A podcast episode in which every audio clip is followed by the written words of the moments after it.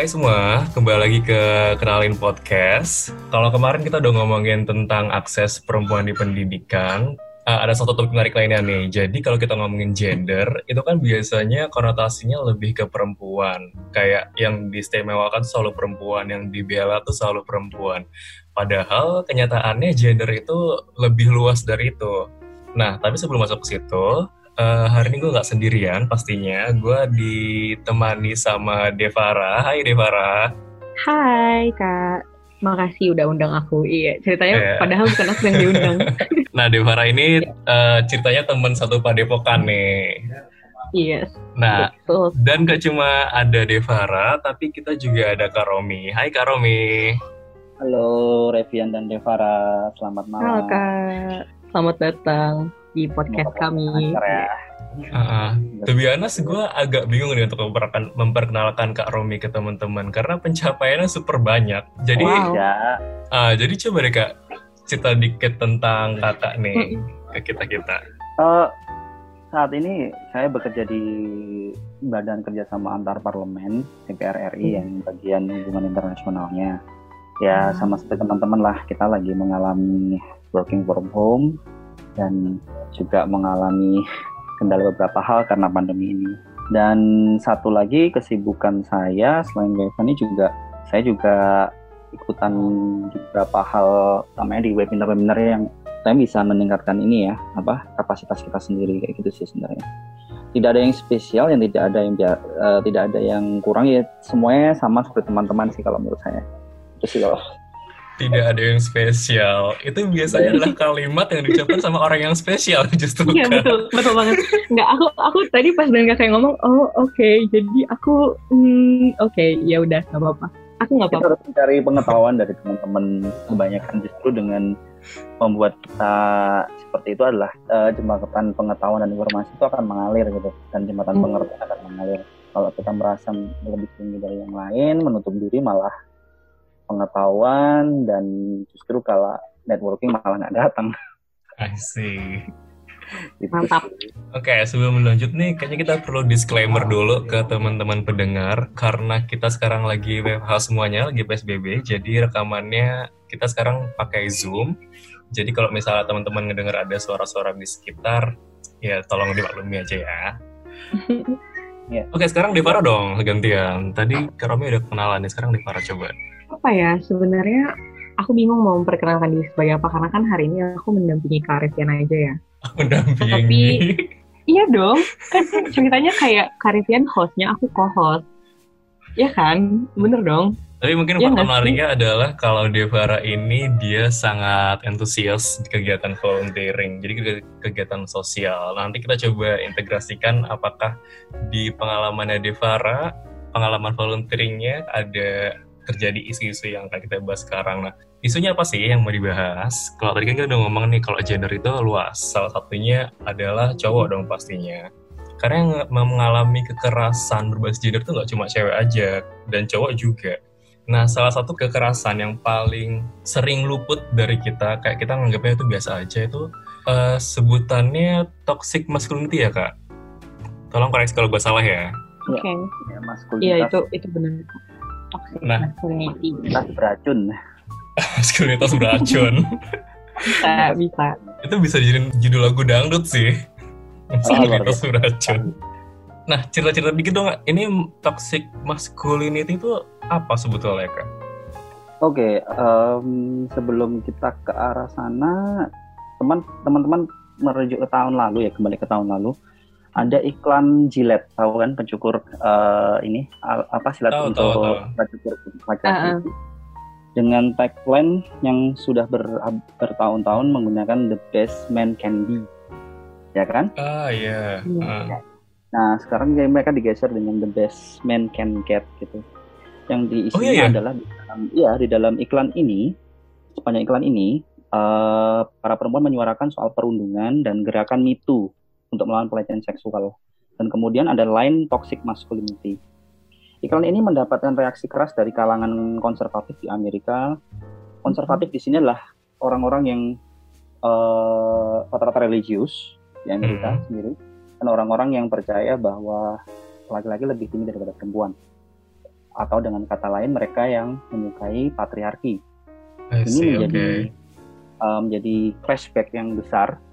Uh, istinya ada kayak semacam kritikan gitu dan mengganggu uh, menuduh uh, jilat mengkampanyekan manhatting atau yang kita sebut misiandris, misiandri. Maaf, maaf, uh, mohon maaf kalau saya pronunciasi salah.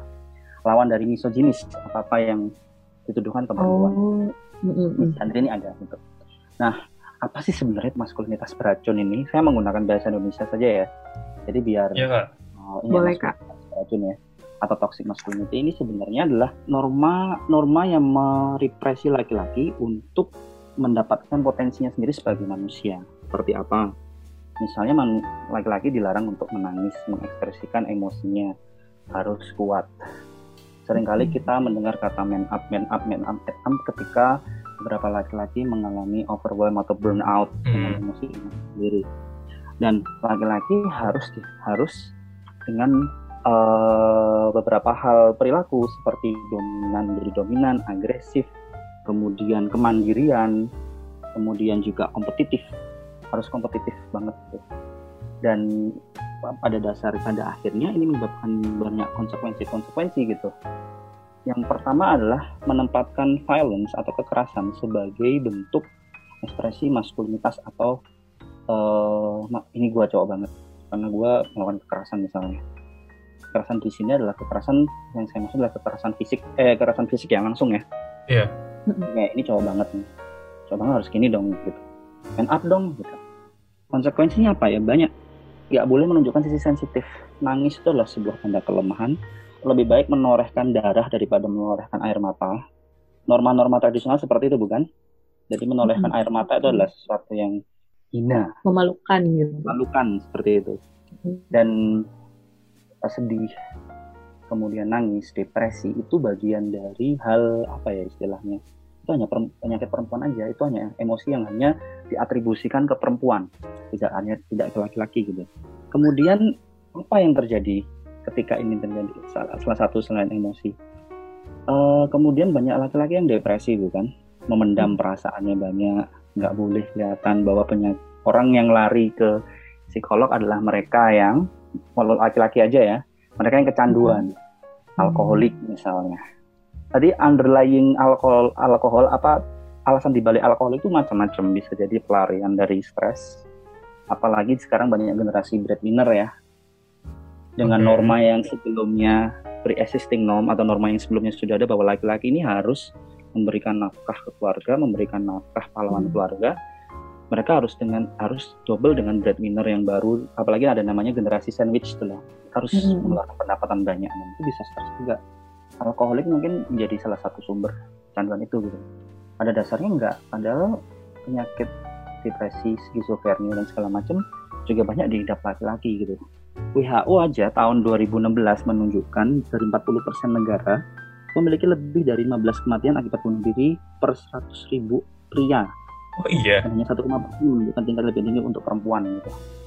Wow. Banyak, bunuh diri itu pria bukan perempuan. Tapi ketika saya tanya eh, teman-teman sejawat saya yang laki-laki, jawabannya adalah Mhm. perempuan. Itu jawaban bias sebenarnya tidak berdasarkan data. Walaupun di Indonesia Oke. kebanyakan perempuan yang banyak bunuh diri.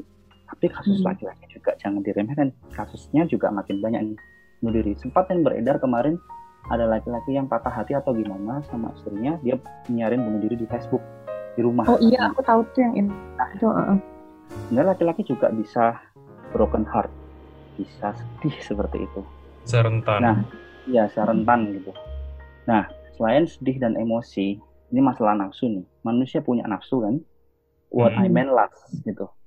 Sepertinya ketika uh, mas maskulitas beracun ini, konsekuensi lainnya adalah adanya rapist culture, budaya perkosaan. Yang kita tahu setiap ada perkosaan yang disalahkan adalah perempuan dengan cara berpakaiannya. Iya. Pakaiannya sih kebuka, padahal banyak juga yang pakaiannya berhijab juga kena perkosaan. Oke. Dia bukan berhijab juga kena perkosaan. Dan akhirnya apa? Menyebabkan adalah ya biasalah cowok kan gitu cowok. Jadi Kata-kata ini. pemakluman ya. Makluman, will be Iya banget. What the hell is that? Itu kayak boys will be boys itu tidak bisa diser- tidak menjadi sebuah semacam justifikasi bahwa perkosaan perkosaan ada karena memang laki-laki tidak bisa memakan nafsu.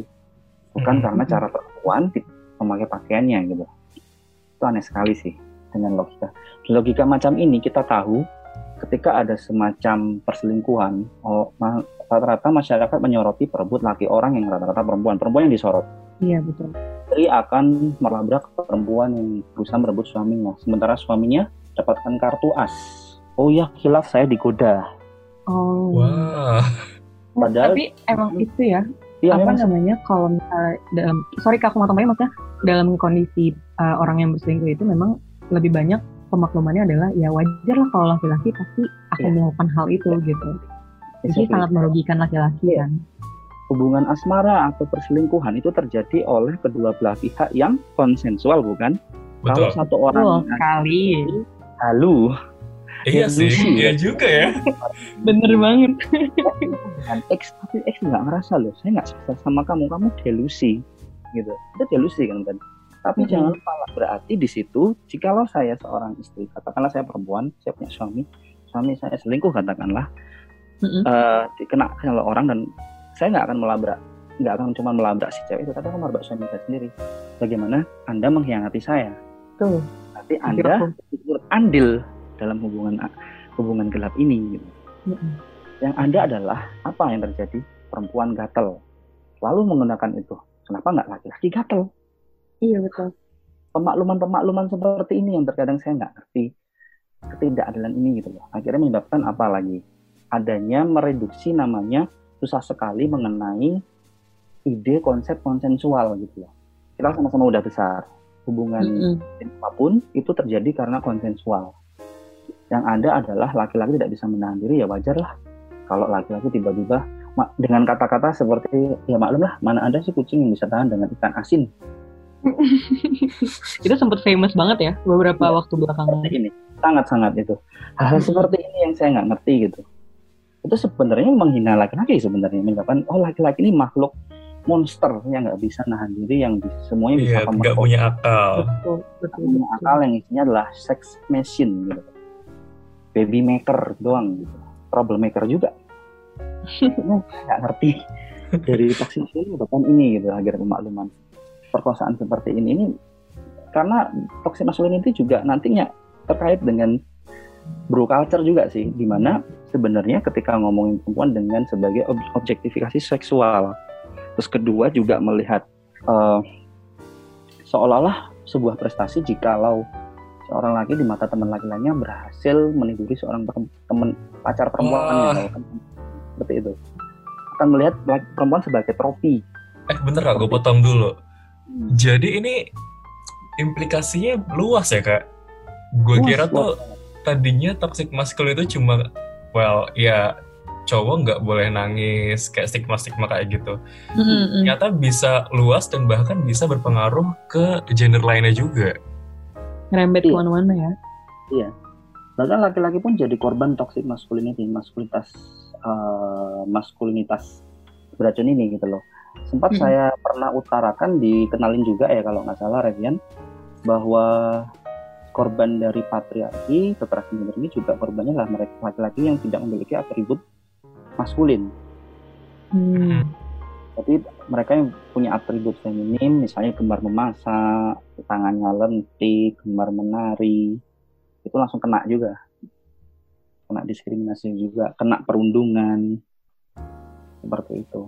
Dianggap nggak inilah, dianggap nggak jantan gitu kali ya Pak. Ya tidak berfungsi dan akan mengalami perundungan dan stigma. Padahal Seperti potensi orang-orang emang beda-beda sih kak.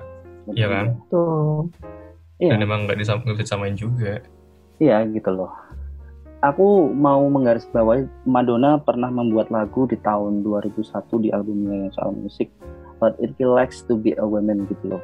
Jadi salah satunya di sini adalah kalau perempuan memakai pakaian laki-laki itu adalah sebuah kehormatan tapi kalau laki-laki memakai pakaian perempuan atau crossing dresser itu sebuah hinaan gitu loh. Sebenarnya sebenarnya sudah mengakar di patriarki bahwa perempuan kelas kedua feminin, feminin itu adalah sesuatu yang lemah dan sangat menghinakan gitu. Sepertinya seperti itu. Banyak yang banyak yang kita lihatlah kasus-kasusnya transfobik sama homofobia itu bagian dari maskulinitas toxic sebenarnya. Iya. Oke, mungkin bisa di remind kak itu seperti apa uh, kasus yang kemarin yang kita lihat bahwa orang si Ferdian ya kalau masalahnya kalau nggak salah Oh iya, yang lagi Oh, yang prank itu banget ya. tuh dia tuh yang memberikan itu karena transfobik ya mengatakan bahwa dia jangan berkeliaran karena agama bla bla bla dengan menjustifikasi berbagai norma yang ada itu juga jadi seolah-olah laki-laki harus eh, tampil seperti itu harus kuat seperti itu Mm, mm, mm. kacau sih Iya, iya. Eh, Iya sih, maksudnya kita boleh percaya dengan suatu hal, entah kebaikan atau sesuatu yang lain, tapi kita nggak boleh memaksakan apa yang kita percaya ke orang lain gitu kan. Iya. Iya. Dan sebenarnya kalau misalnya mau dilihat lagi, eh, perbuatan dia yang itu tuh merugikannya tuh nggak cuma gender aja nggak sih, tapi kayak me, apa ya merembet ke ke kepercayaan kepercayaan orang-orang tentang suatu apa ya suatu belief gitu loh. Jadi orang-orang mikirnya ya kita juga nggak suka, padahal sebenarnya mungkin untuk sebagian orang yang eh, mempercayai hal tersebut kayak kita nggak kayak gitu gitu.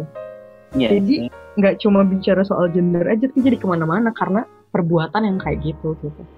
ya nanti akhirnya itu juga akhirnya sebenarnya maskulinitas pria itu akan bumerang nggak cuma bumerang ke perempuan tapi Hmm, laki-laki hmm. sendiri sebenarnya bisa dibayangkan laki-laki pun juga manusia ya butuh menangis butuh Hmm. patah hati butuh diakui kelemahannya gitu mengakui kerentanan pria ini sebenarnya juga akan membantu masyarakat untuk tangguh menghadapi segala macam ancaman bisa dibayangkan kalau misalnya laki-laki sebagai kepala keluarga udah capek gitu sementara perempuannya bisa kerja tapi gara-gara masyarakat mengundang kok cowok lemah sih itu gimana gitu itu kan akhirnya merugikan keluarga itu sendiri gitu dengan Iya norma-norma betul.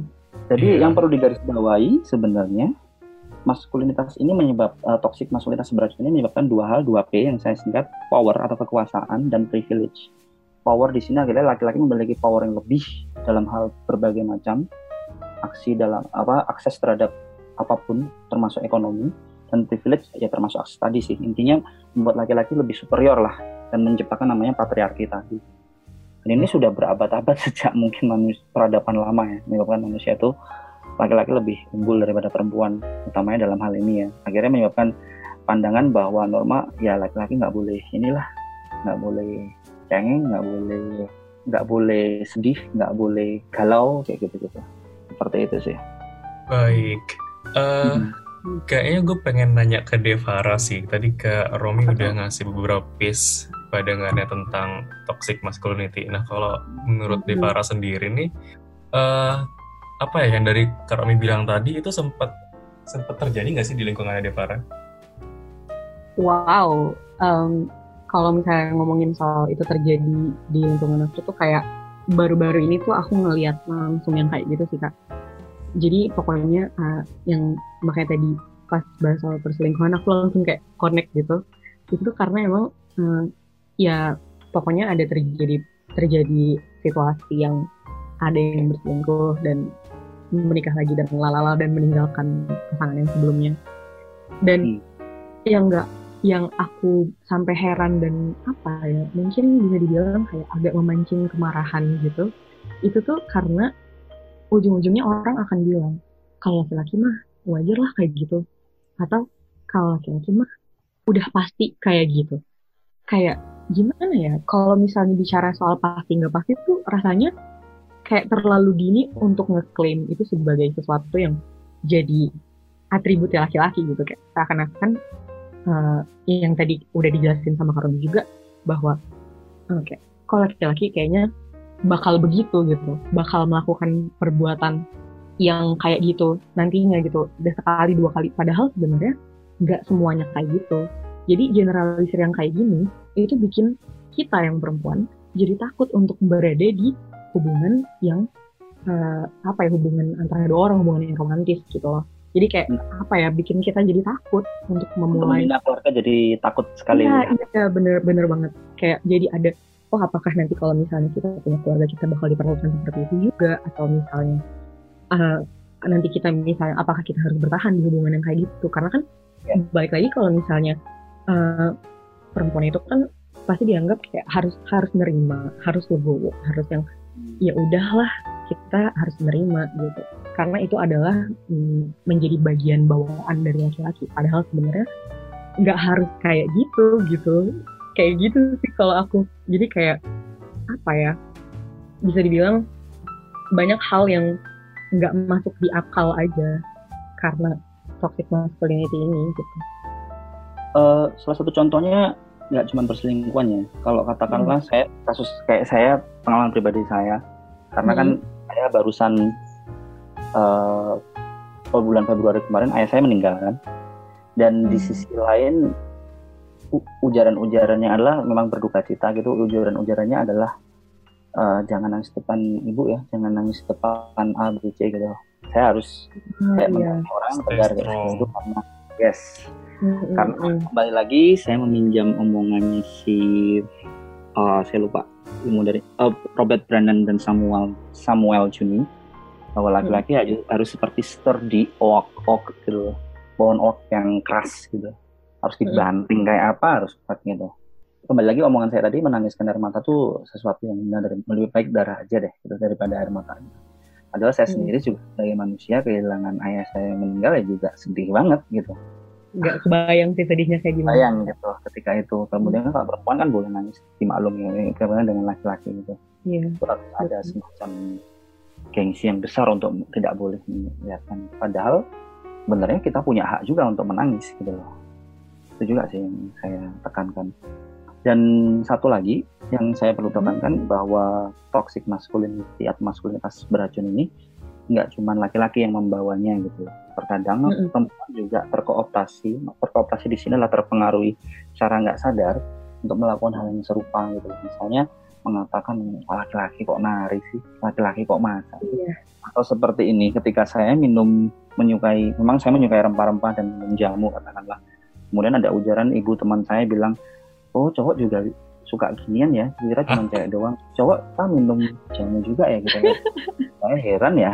Saat ini lagi pandemi semua orang minum jamu ya. Saya ketawa sih. Uh, kemudian ada teman saya yang agak sedikit garuk-garuk kepala. Memang dia gay gitu. Dan dia hmm. tidak memiliki atribut feminim yang dibilang masyarakat dan dia biasa aja. Kemudian dia membawa susu stroberi. Dia tidak publikasi bahwa dirinya seperti itu. Tapi ketika dia membawa susu tadi dia bilang kok cowok minumnya susu stroberi warna pink apa sih? Bahkan memakan dan minum harus diatur seperti itu sebenarnya. Saya ribet ya. Saya selera saya tidak suka kopi, tapi laki-laki katanya hmm. suka kopi hitam pekat gitu. Saya juga heran. Tapi terkadang yang berujar seperti ini nggak cuma laki-laki dan perempuan gitu. Hmm. Kalau biasa kita kalau cowok sukanya kopinya nggak pakai gula, kopi cantik biasanya buat mbak-mbak seperti itu. Saya heran sih. Saya lebih menyukai teh karena saya memang pengidap mah Bayangkan hmm. uh, seperti ini hmm, hmm, hmm. dilestarikan. Kalau saya pribadi pemilik pemilik tempat usaha, saya akan kehilangan banyak customer. Saya lebih pragmatis, lebih baik.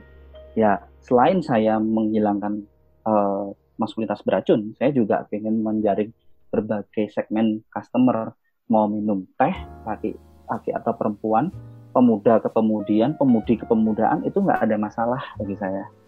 Itu buat apa dipermasalahkan gitu. Yang hmm. saya herankan kan ini menyebabkan mau minum teh aja laki-laki harus gengsi gitu. Misalnya teh yang teh cantik ala English tea gitu. Hmm. saya heran. Seperti seperti ini. Atau jak jauh-jauh beda. Kalau mungkin Devara mungkin nggak tahu Reven juga mengerti ya. Skincare. Saat ini segmentasi oh, iya, iya. Yeah. Cuman perempuan yeah. laki-laki menjadi uh, apa ya istilahnya konsumen juga menjadi konsumen dari skincare ini dan hmm. produknya hmm. menjadi unisex artinya semua uh, kelamin bisa oh. memakainya gitu. Hmm. Ya. Dan kadang-kadang seperti ini masih ada yang kok pakai lotion seperti apa. Saya juga pernah dikomentari pakai lotion memang karena karena kulit saya sangat kering. Hmm. Dan ketika mandi nggak saya pakai lotion itu gatalnya minta ampun. Bagaimana saya pun saya ingin punya hak untuk sehat dalam hal kulit saya terganggu dengan norma kok cowok pakai lotion, pakai lotion katakanlah padahal yang ngomong gitu juga ber, tidak bertanggung jawab dengan uang kesehatan ke dokter gitu yeah. tanpa sadar banyak orang melestarikannya gitu. betul sekali. Ya, soalnya yeah. memang uh, uh, kalau misalnya bicara soal skincare tuh pasti banget dibilangnya cowok cantik lah atau misalnya apaan sih? Kayak perempuan. Padahal kalau misalnya mau dilihat ya sekarang ini kan udah makin apa ya pemanasan global tuh makin parah. Kalau misalnya atau nggak pakai sunscreen misalnya ya apa sih tabir surya itu? Mhm. kan kasihan juga kalau misalnya nanti mengalami penuaan dini atau apa gitu. Hanya karena dia takut dibilang kayak perempuan. Kayak maksudnya kesehatan kulit adalah hak semua manusia di muka bumi. Ya nggak sih? Gue mau nambahin dong kenapa kenapa gue jadi ke trigger nih soalnya gue juga Kenapa? kerja ya kerjaan gue kerjaan lapangan kan manjat-manjat tower listrik Mm-mm. well lu bayangin aja gue iya. harus gue harus Iya. makin makin dekat dengan matahari terus kalau gue Iya.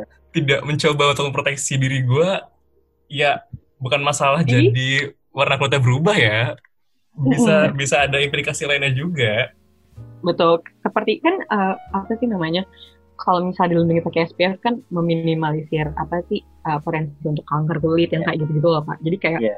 itu hak semua orang untuk bisa sehat luar Untuk dan sehat, dalam. betul. Benar sekali. Bahkan laki-laki pun juga punya hak untuk sehat yang memakai Hmm. skin care cewek ya. Sebenarnya seperti itu sih yang saya tekankan. Hak untuk sehat aja harus dihalang-halangi gitu. Mm-mm. ini hak untuk sehat ya. Bagaimana dengan hak untuk asmara katakanlah seperti ini eh, toxic masculinity tadi juga mendorong adanya heteronormatif. Apa itu Hmm. heteronormatif? Seringkali kita usil menanyakan ke beberapa mas-mas gitu misalnya loh nyonyanya mana nih? Kok nggak dibawa? Ceweknya mana nggak dibawa? Tipe ceweknya macam kayak gimana ya? Seperti itu. Sadar nggak bahwa tidak semua laki-laki menyukai perempuan? Ada ada. Exactly. Nah norma-norma kayak gini akhirnya melahirkan seperti ini padahal semua orang memiliki hak untuk mencintai orang lain tapi ternyata ya orang malah terrepress dengan hal seperti ini dan akhirnya muncul homofobia juga dari hal seperti ini dari maskulinitas beracun gitu. Hmm. kita akan bahasnya makin banyak sih internalize ini di Mm-mm. komunitas LGBT yang memiliki uh, heteronormatif dan maskulinitas toksik ini makin banyak. Ini juga tidak hanya di kalangan straight, tapi juga di kalangan hetero maksud saya. Tapi di kalangan LGBT pun juga ada namanya toxic masculinity gitu. Tapi kita fokus ke dasarnya dulu aja mengenai. Iya, betul. Nah, Iya. ngomongin dasar nih kak, menurut kakak sebetulnya toxic masculinity ini kenapa bisa ada? Kenapa ini jadi apa ya? Let's say budaya mungkin ya? Patriarki dasarnya itu. Kita nggak bisa ngomong Indonesia doang atau Asia aja gitu. Western Hmm. pun juga memiliki seperti itu gitu. Dengan standar maskulinitas macam-macam. Bayangkan maskulinitas itu juga beragam bentuk gitu. Ketika, ketika laki-laki itu dituntut berbagai macam gitu. Eh, dengan bentuk morfologi katakanlah atau bentuk, atau bentuk atau morfologi yang berbeda-beda. Di barat laki-laki secara fisik aja maskulin digambarkan dengan dada panjang gitu. Di Jawa kalau kita lihat literatur mungkin bisa dibaca di bilangan bukunya Ayu Utami itu laki-lakinya kalau di wayang tuh loh mungkin ada dari salah satu kalian yang pernah lihat wayang itu bentuknya tidak terlalu kekar gitu tapi kurus tapi sedikit berisi gitu itu Oke. maskulinitasnya bisa beragam dan norma-norma kayak gini akhirnya patriarki yang menyebabkan laki-laki itu harus superior utamanya sebagai pelindung sebagai kesatria katakanlah prajurit itu menyebabkan ya mereka harus tidak boleh nangis tidak boleh lemah gitu bayangkan secara purba mereka yang hunting secara primitif mereka yang mencari makan sementara yang perempuan Hmm. memasak di bawah. Kemudian ketika ini turun temurun menjadi kan lebih superior bukan? Jadi kayak menyebabkan laki-laki ya harus tangguh, nggak boleh cengeng, nggak boleh mengekspresikan emosi. Turun temurun ketika manusia saling berkonflik, alat perangnya adalah laki-laki. Ah, Perempuan hanya duduk di dapur, hanya di medical atau pengobatan seperti itu. Dengan doktrin dapur, kasur, sumur di ranah Wah. privat, di ranah publik ya akhirnya laki-laki yang banyak di luar gitu. Nah ini akhirnya mendorong lama-lama ya toxic masculinity tadi gitu, eksesnya gitu. Nah kalau ada toxic masculinity, ada namanya maskulinitas yang sehat. Seperti tetap Iya. mengakui contohnya adalah tetap merasa dirinya maskulin tapi juga mengakui kerentanan itu. Mengakui ada adanya ma- mau menangis mau melihat Mm, mm, mm. wide range emotions gitu loh. Ada emosi apa pun bisa lebih ekspresif gitu mengakui kerentanan gitu. Tidak gengsi untuk mengakui bromance atau apa pun lah. Mm-mm. itu sebenarnya justru akan membantu gitu healthy masculinity yang saya pernah katakan dulu ketika saya diskusi sama Redfian bukanlah seperti negara dengan gender equality seperti Iceland, Islandia Iya, itu iya. lebih life expectancy atau harapan hidup cowoknya jauh lebih bagus dari beberapa negara lainnya. Bisa dibayangkan pembagian tugas yang merata, nggak hanya Hmm. cowok yang harus di luar, tapi cowok juga bisa ikutan dalam hal mengasuh anak. Itu juga sebenarnya justru membantu keluarga yang itu resilient gitu. Mm. Hmm. Eh tapi kak mau balik lagi nih ke patriarki. Patriarki itu kan sederhananya kekuasaan tertinggi di cowok lah ya. Sederhananya kan begitu. Cowok lebih tinggi daripada cewek. Uh-uh. Nah itu kan apa ya eh, terkesan mengeksklusifkan cowok. Jadi seolah-olah nih cowok yang akan dapat keuntungan sebanyak-banyaknya, sementara perempuan yang dapat kerugian sebanyak-banyaknya. Tapi ternyata pada kenyataannya saat penerapannya nggak begitu ya kayak. Ternyata cowok juga dapat kerugian banyak nih ternyata. Kalau dari Ya, kakak dari- bilang tadi. Ya, buktinya dari maskulinitas beracun ini. Akhirnya banyak beban yang dilakukan oleh laki-laki semua, laki-laki semua. Ya kan? I see. Iya, iya, iya, iya. Eh, pernah nonton Kucumbu Tu- Tubuh Indahmu tidak? Oh, Sayangnya belum belum, tapi pengen sih. Tuh, Karena sudah ada. Saya akan Udah di Maaf, udah spoiler ya. turun. Apa-apa. Iya, ya. nggak apa-apa. Eh, Randi Pangalila saya lupa nama tokohnya. Jadi dia menjadi anak laki-laki pertama di keluarga Jawa yang tradisional. Saya tidak Hmm. mengatakan bahwa Jawa tradisional atau apa pun dari etnis mana pun. Saya sendiri juga orang Jawa tradisional itu tidak buruk gitu. Tapi beberapa kita harus encountering yang buruk-buruknya kita ambil yang baik-baiknya. Bukan begitu bukan? Nah, Mm. si Mas ini, Mas Randi Pangalila ini, dia berkeluh kesah gitu loh. Saya capek. Saya dari kecil sudah dididik untuk kerja, kerja, kerja, kerja, kerja. Saya nggak pernah dapat kasih sayang ini itu ini itu ini itu. Karena saya laki-laki harus begini-begini. Padahal saya juga manusia yang butuh perhatian, kasih sayang. Juga kadang-kadang butuh kalau sakit di apa ya dirawat. Bayangkan seperti ini itu merajalela loh. Oke. Sebenarnya merugikan gitu loh. Yes. Walaupun si laki-laki ini dapat kayak keuntungan akses ekonomi, mampu menentukan keputusan keluarga, adik perempuannya harus nurut dia, tapi ya capek gitu. Beberapa Kebutuhan beberapa emosinya ya, Kak. Kebutuhan emosinya kayak nggak terpenuhi gitu. Kebutuhan Iya untuk merasa bahwa dia adalah human being juga merasa dia bahwa dia manusia juga ya, gitu. itunya nggak terpenuhi. ya, gitu. Dan patriarki ini juga kadang-kadang sorry to say ya, ini banyak kan menyebabkan beberapa keluarga itu fatherless family. Saya bilang Oh. fatherless family itu bukan berarti bapaknya tidak mati, tapi bapaknya ada tapi tidak present, tidak hadir. Figurnya, figurnya hilang. Figurnya cuma menjadi penakut. Apa Iya. harus seperti raja, king atau imam. Apalagi dengan normal bapak adalah imam uh, dari keluarga gitu. Sudah banyak Hmm. banget.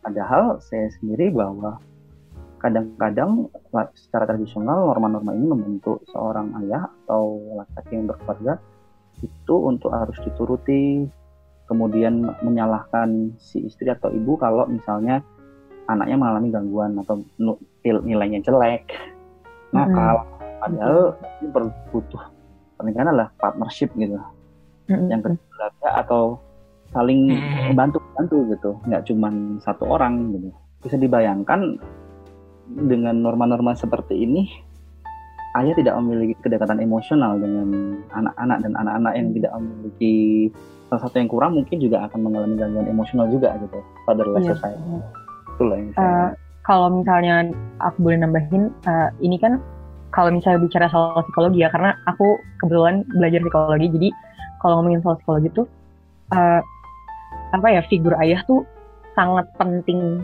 untuk dalam tumbuh kembang anak. Kayak kalau misalnya ada, jadi kayak balance antara eh, kehadiran ayah dan ibu itu harus harus balance gitu loh, harus harus ada dua-duanya karena uh, kalau enggak nanti ya yang tadi kayak Kak Romida bilang juga ada nanti bisa nanti emosinya yang terganggu atau misalnya pokoknya ada ada ada yang hilang dari dari anak itu gitu loh. Jadi kayak pentingnya bahwa apa ya misalnya ada pembagian kayak kenapa kenapa enggak ayah eh, nggak boleh jagain anak misalnya itu tuh itu tuh salah banget sih. Karena memang pada dasarnya kedekatan emosional antara ayah dan anak atau baik ayah dan anak maupun ibu dan anak itu harus dibangun sejak dini gitu. Iya. Dan terkadang ketika laki-laki secara alam bawah sadar repress tidak bisa mengekspresikan diri secara emosional, Mm-mm. kadang-kadang menjadi salah sangka buat anak-anak. Bapak nggak Iya. peduli ya? Bapak cuek Mm-mm. banget sih. Mm-mm. Ayah kayak gitu ya, papa kok cuek banget dan so on and so forth gitu. Kemudian si ibu atau si istri tahu bahwa sebenarnya bapaknya peduli, cuman ya gitu. Kenapa sih harus ada gengsi untuk mengungkapin saya? Itu juga heran. Ya kan? Kadang Iya. kita nggak tahu. Malah jatuhnya kadang jadi kayak emotional abuse gitu nggak sih kak? Kayak eh, kesannya jadi kayak cara dia menunjukkan kasih sayangnya itu eh, menyakiti. Padahal sebenarnya maksud dia nggak kayak gitu nih. Tapi yang ditangkap sama anaknya tuh eh, beda gitu. Jadi kayak jatuhnya malah emotional abuse ke anaknya, malah nanti anaknya yang kenapa-napa. Padahal sebenarnya maksudnya dia itu nggak kayak gitu gitu. di siklus itu di ranah keluarga ya. Bagaimana dengan ranah Mm-mm. pasangan? Ketika ada temen gitu, kadang eh, menunjukkan rasa sayang dan peduli untuk sama temen yang saya cowok gitu, itu kayak gengsi sekali gitu. Takut kayak aneh banget ya kak. iya terkesan "Ah, dibilang gay gua, bla bla bla segala macam. Tapi nggak masalah gitu seperti itu. Sebenarnya bukan seperti itu gitu. Kadang akhirnya saya berdialog di beberapa teman gitu, akhirnya ya kalau cowok itu kalau care itu nggak ditunjukin. Jadi di belakang nanti care tapi di depan ya kayak nggak peduli gitu. Sebetulnya buat apa? Saya tanyakan buat apa ujung-ujungnya? Ya nggak dia nggak bisa jawab. Hanya Iya.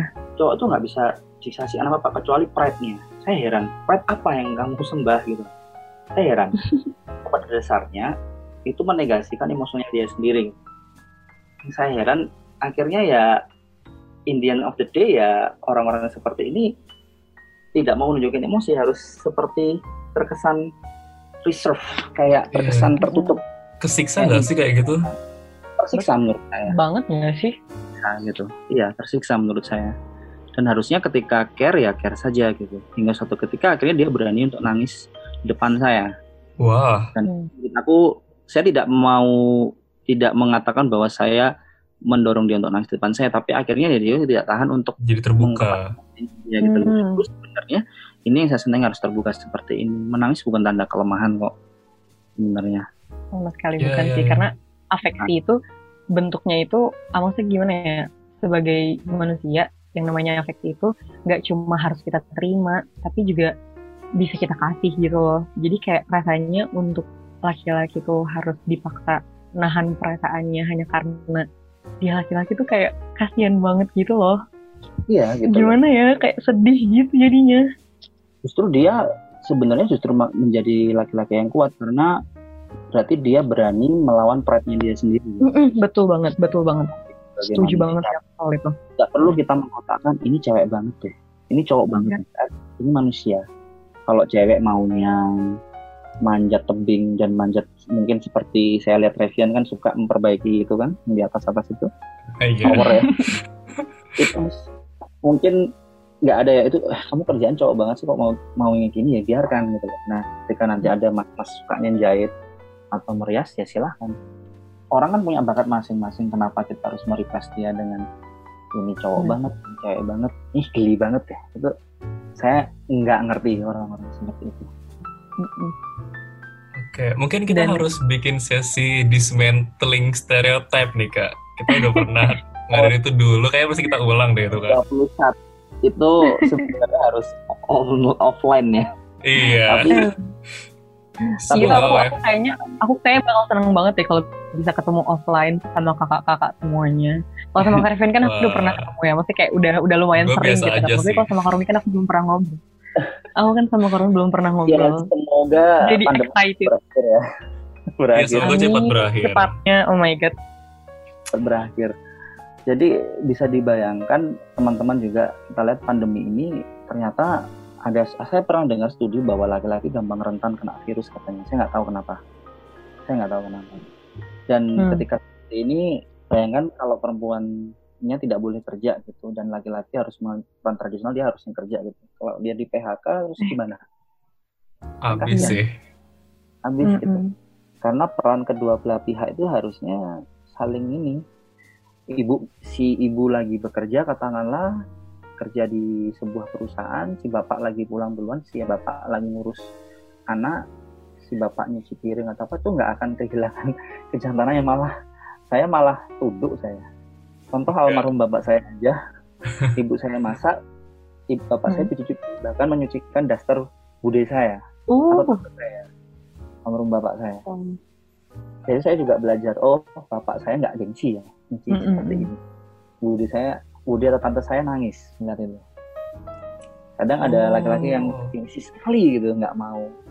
Kerjaan cewek deh tolong anaknya nangis mang- bingung sama ibumu sana Manggil.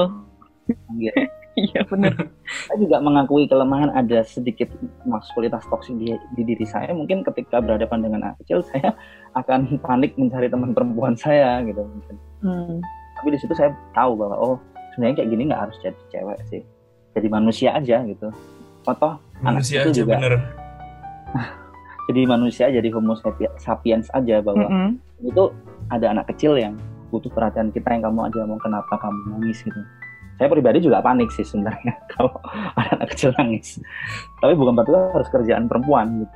Karena balik lagi, being vulnerable itu oke, itu bukan suatu kelemahan, tapi kalau gue tangkapnya sih sebuah kejujuran ya kak. Iya. setuju. Setuju aku juga. Nggak maksudnya kayak eh, yang dari tadi misalnya atribusi emosinya yang kayak perempuan itu boleh sedih sedangkan laki-laki enggak itu juga di saat yang bersamaan itu merugikan perempuan gitu loh. Karena kayak jadinya perempuan tuh kesannya lemah banget. Ketika ada perempuan independen sedikit langsung ih kok kayak cowok sih? Atau misalnya ah lo terlalu lo terlalu berani atau lo terlalu eh, apa ya lo terlalu mengedepankan apa misalnya yang kesannya tuh cowok banget. Padahal sebenarnya nggak semua gimana ya in in this world in this case nggak semua perempuan itu uh, seberuntung itu untuk tidak menjadi independen. Jadi kayak menurut aku being vulnerable is very human. Jadi kayak untuk ya kayak regardless of gender tuh kayak you can always be vulnerable gitu loh. Ya gitu sih aku mau nambahin bagian itu. Padahal kalau dibilang secara fair-fairan sebenarnya saya tidak mengatakan ini personal personal saya bayangkan kadang seorang ibu itu harus bangun ibu wanita karir ya harus bangun pagi-pagi bak suaminya lagi tidur istrinya udah masak ingin baju anak segala macem terus bapaknya baru bangun jam berapa cuman manasin motor terus kemudian ayo mah berangkat. Lama amat sih padahal ibunya kontang panting sana sini. Sampai nanti Mm-mm. harus bikin PR kalau peran tradisional terjadi peran tradisional itu dilaksanakan bisa dibayangkan nggak sebenarnya? Tangan banting kuat itu siapa? Betul sekali. Beratus Iya. betul Mi kalau itu ditaruh di peran laki-laki laki-laki belum tentu bisa. Nah di Betul, sini betul. Tentu bisa saya tidak menegasikan bahwa laki-laki laki-laki bisa seperti itu gitu tapi di sisi lain jangan pernah membuat maskulinitas cowok ini kesan ada unsur kan memang mela- me- memberikan konotasi negatif bahwa femininitas Mm-mm. itu sesuatu yang lemah dan menjadikan padahal itu sesuatu yang ketika beriringan tuh indah Iya betul, karena emang Setuju. kita butuh sih complementing each other, melengkapi satu sama Iya, lain. Bahwa kalaupun secara biologi bukankah cowok itu sebenarnya dulunya adalah perempuan ya? dulunya adalah kromosomnya XX kemudian Hmm. dia bermutasi jadi XY Hmm. we used to be a woman during the in the womb in the chromosome dan XY masa mau menegasikan dia lahir dari rahim seorang ibu gitu perempuan itu perempuan gitu. Hmm. Menurut itu kelemahan melahirkan adalah pertarungan yang saya tahu pertarungan mati juga hidup dan mati gitu itu justru lebih kuat makanya maskulinitas toksik ini benar-benar harus segera disudahi saya cukup sedih ya bahwa salah satu penyanyi kondang yang kemarin the Lord apa the, the, the protector of broken heart Lord Broken heart. Kempot, Heeh. dia mengatakan soal istilah, istilah namanya sad boy Mm-mm.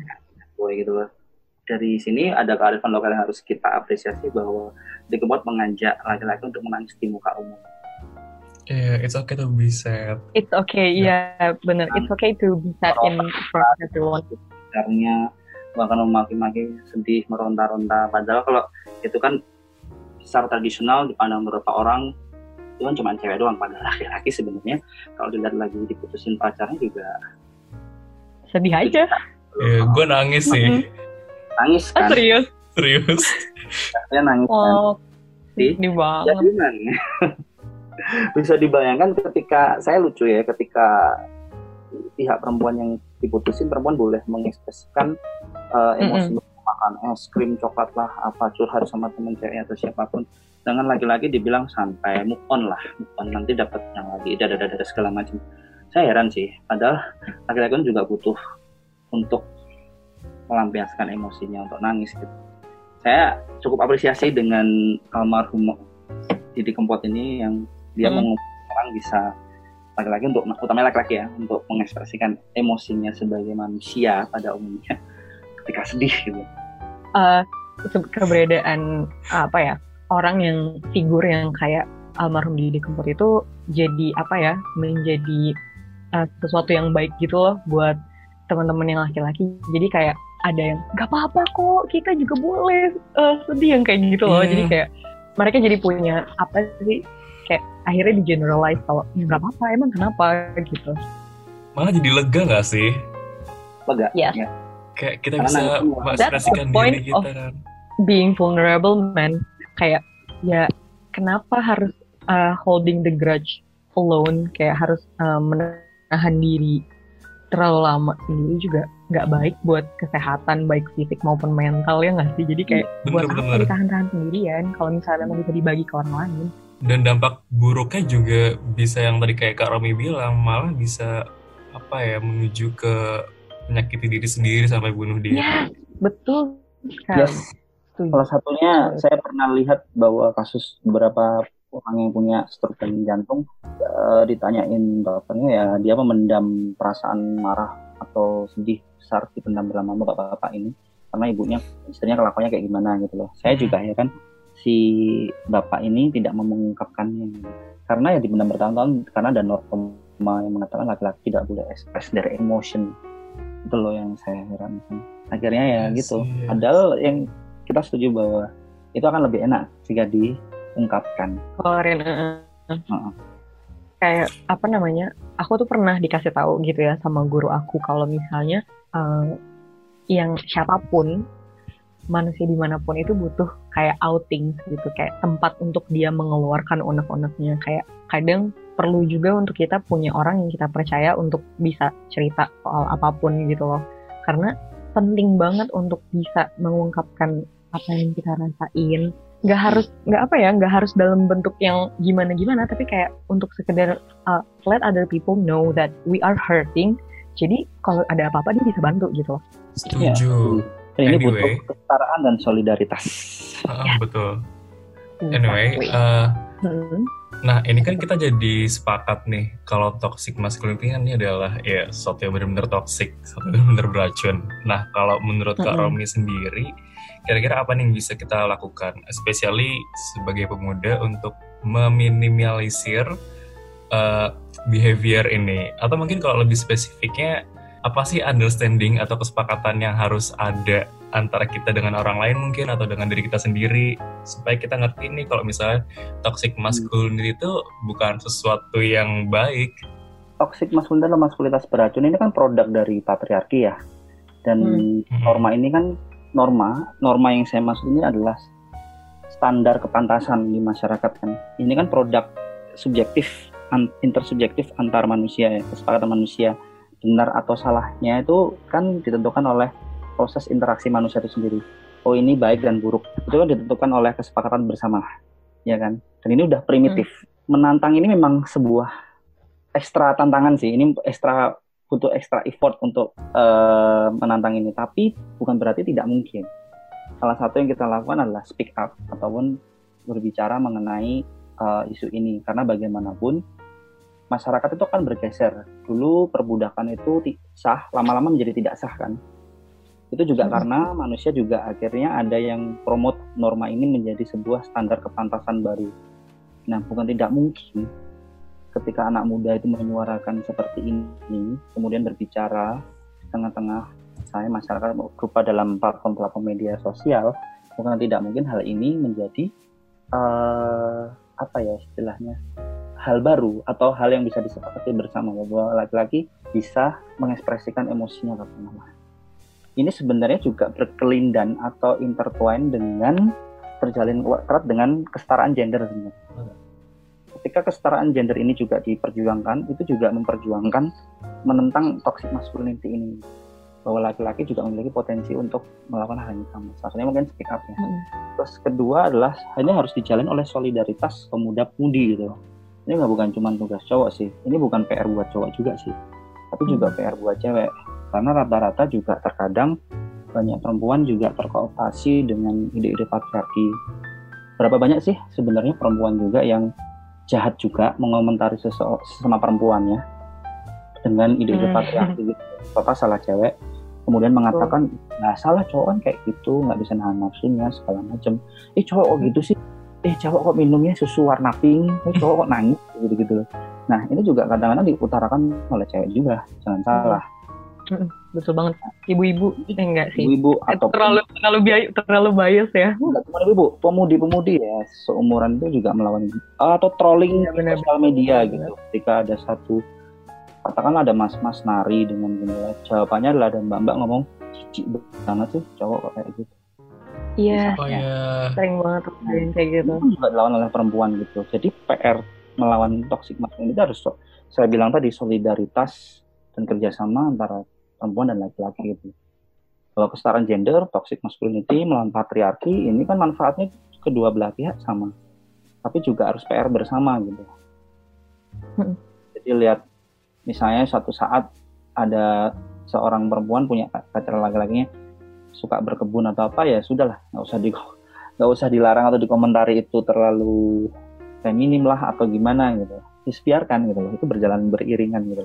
Biarkan manusia memiliki potensi yang sama. Itu sih. Betul betul betul, betul sekali. Wow. terus kemudian di kurikulum pendidikan sih. Itu juga penting banget. Pendidikan ini membentuk kita terkadang seksis ya. Hmm. kadang seksis membentuk laki-laki itu bersifat agresif, bersifat menjadi dominan, agresor, invas eh, apa ya, suka membuli, merundung teman-temannya yang lain, baik merundung teman-teman ceweknya atau merundung teman laki-lakinya yang dianggap lemah atau banci lah katakanlah. Hmm. Nah, itu kan sering ya pendidikan. Pendidikan Banget. ini salah satu pendidikan ini adalah di apa? Tuh kalian tebak mata pelajaran apa menurut kalian? Olahraga. Oh iya, Ya, bener banget, bener olahraga. banget. Bener banget. Berapa Olahraga. kali, seberapa sering ketika guru olahraga, baik laki-laki ataupun perempuan, itu bertindak lantang ketika ada cowok nggak bisa pusat, aduh Iya, kayak mbak, Iya kayak banget. Oh putri, God. kayak nenek, saya nggak ngerti kayak princess, aduh, saya nggak tahu bahwa soalnya nggak alam bawah sadar anak-anak di usia itu berpikir bahwa oh iya ya princess itu lemah, laki Tapi kalau gua laki-laki harus kuat kayak gitu. Wuh. Iya, bener banget. Atau gini, kalau kamu nggak kuat lari ntar kamu saya pakein rok seperti itu. Iya, dulu waktu zaman sekolah ah, masih sering tuh ada yang kayak gitu. Waktu Lagi- lagi endurance, Padahal olahraga tujuannya buat apa? menyehatkan badan Dan dan menjadi hak semua orang. jasmani dan rohani. Rohani. Rohani. Tuh. Dan rohani. Rohani adalah sebuah pleasure bahwa olahraga itu menyenangkan, membuat orang confident. Salah satu bukan membuat kompetitif, membuat kooperatif kerjasama satu sama lain untuk ngegulin misalnya ke gawang gol gitu bola. Bagaimana kalau misalnya gitu kan. Nah itu banyak banget eh, pendidikan olahraga tuh menjadi salah satu ajang untuk mensosialisasikan maskulinitas beracun dulu dari guru olahraga itu sendiri tanpa sadar. Memang norma itu beredar di masyarakat, tapi ketika olahraga, der, itu diliatin deh, disosialisasikan tanpa sadar oleh guru olahraganya. Iya, Kamu iya, kalau iya. nggak aku ngegulin ini, tak pakein rok, ngajarin sesuatu yang vulgar ke anak-anak cowok lainnya. Itu kalau mbak-mbak nggak mungkin ntar kelihatan loh alat kelaminnya segala macam menempatkan seperti itu membuat laki-laki jadi dominan, kompetitif. Iya, betul. Berapa kali sih eh, olahraga yang ditanamkan itu akhirnya olahraga yang diajarkan itu menyebabkan konflik antar cowok di lapangan? Oh, saya tanya. Iya ya. Konflik antar cowok itu kan karena gengsi di lapangan. Iya. Padahal persoalannya sepele. Nanti akhirnya berantem di tempat parkiran lah, di kantin lah. Eh, kamu Aha. kurang ajar ya tadi ya. Dada, dada, dada. Tadi kaki kamu sengaja ya gini segala macam. Akhirnya gengsi. Kemudian tidak ada eh, tidak ada eh, sense of pleasure dari olahraga itu loh.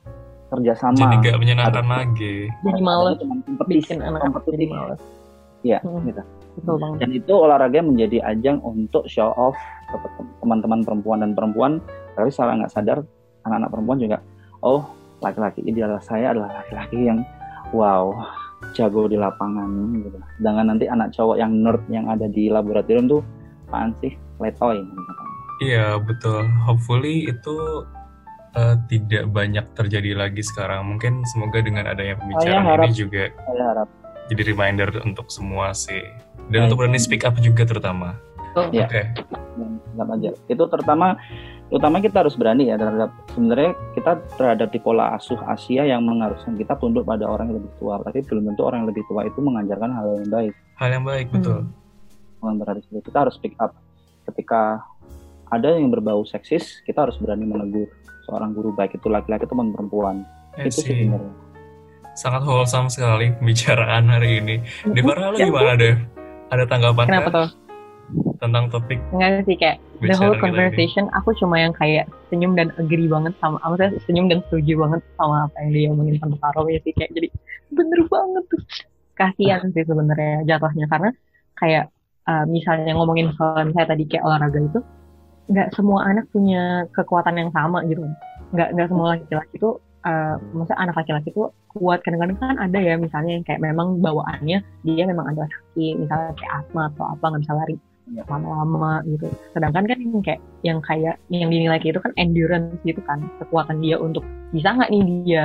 Lama apa dia lari dan yeah. untuk dia diancam dengan kamu kurang kurang apa ya? Kalau misalnya kurang kurang cowok atau misalnya nanti habis ini kalau saya pakein atau apa segala macam itu tuh sangat sangat apa ya? Bikin anak-anaknya jadi ngedown banget gitu dan itu kasihan banget.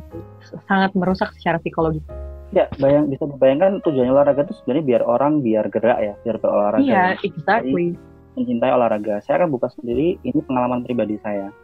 Jadi saya juga mengalami perundungan yang sangat tidak enak ketika SD SMP dan SMA kadang saya juga tidak dipandang cukup laki-laki ketika di lapangan gitu. karena saya kadang-kadang juga terengah-engah ketika lari terlalu kencang kaki saya juga agak bermasalah sedikit gitu ternyata. Setelah saya tahu hmm. dari ketika saya saat ini gitu, tahun ini baru saya tahu kaki, kaki saya ada yang gangguan nah hmm. bisa dibayangkan itu membuat saya sendiri pribadi olahraga jadi males jadi hmm. kayak kikuk atau secara motorik itu nggak bagus gitu mau olahraga di gym aja jadi kayak kadang takut bikin salah ntar gue di, ntar ada suara di hati kecil saya seolah nanti gue diketawain lagi gitu. padahal nggak ada yang ngetawain sih padahal nggak ada mengendap di otak saya gitu jadi memproyeksikan ya. Iya memproyeksikan mm -hmm. gitu. Bisa dibayangkan bahwa hak untuk sehat kembali lagi itu semua hal. Dan pelajaran olahraga yang ada di sekolah-sekolah itu bukan buat pelajaran yang buat menu-menuhin lapangan juga cuman menuhi lapangan pekerjaan buat menciptakan lapangan pekerjaan buat guru olahraga juga. Nggak cuman menu-menuhin lapor supaya ranking satu ranking dua atau memenuhi proyek-proyek dari orang-orang Kementerian Pendidikan dan saya nggak tahu sekarang pendidikan dan kebudayaan saya cuma Indonesia. Tapi memang untuk menyehatkan masyarakat Indonesia dari sejak dini bukan mm-hmm. kalau pelajarannya aja bikin momok ketakutan mana mau orang olahraga akhirnya males malah jadi nggak sehat semuanya males, gitu. terkadang iya. karena agresivitas cowok juga kadang ada banyak teman-teman perempuan saya yang harus olahraga karena tahu takut di catcalling gitu loh ada teman perempuan saya waktu itu di SMA SMP gitu takut kakak kelasnya tuh suka nyuitin dia uh kayak gitu badannya gimana hmm. gimana wah itu banyak banyak banget. Oke okay, anyway dan itu dianggap Romi. biasa. Dianggap iya, biasa. dan itu dianggap biasa betul. Iya, dan itu dianggap biasa. Kan makanya jadi anak-anak perempuan itu biasanya males banget olahraga. Karena kan kalau olahraga kan bisa pakai celana.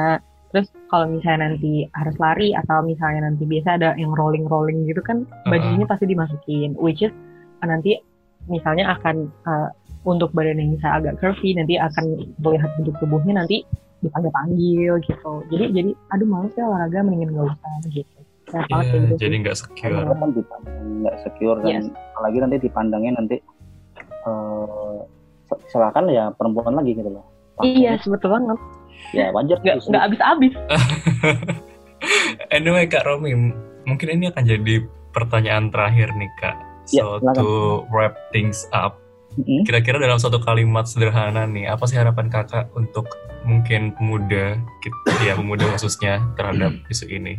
Saya harap pemuda-pemudi ini ya utamanya ya, generasi yang harusnya progresif ini tidak terjebak dengan dikotomi laki-laki gender atau normatif gender yang lama ya, konstruksi, konstruksi yang lama yang mengatakan laki-laki harus maskulin, perempuan harus feminin gitu. Sudah salah kaprah banget sih. Jadi kalau bisa saya harap uh, itu dikonstruksi lagi dan sudah saatnya dengan kemajuan akses informasi dan sekaligus banyak platform yang membuat kita empati terhadap orang lain itu bisa membuka mata sih untuk teman-teman. Jangan takut untuk speak up. Untuk hal ini ketika ada gangguan utamanya sesuatu yang berusaha untuk melestarikan norma-norma seperti patriarki sama apalagi toxic masculinity itu jangan takut sih untuk ngomong aja. Meskipun konsekuensinya juga terkadang kita harus menghadapi perundungan jadi saya sarankan juga tetap kritis tetap solidaritas sama kerjasama. Ini tugas bersama PR bersama laki-laki dan perempuan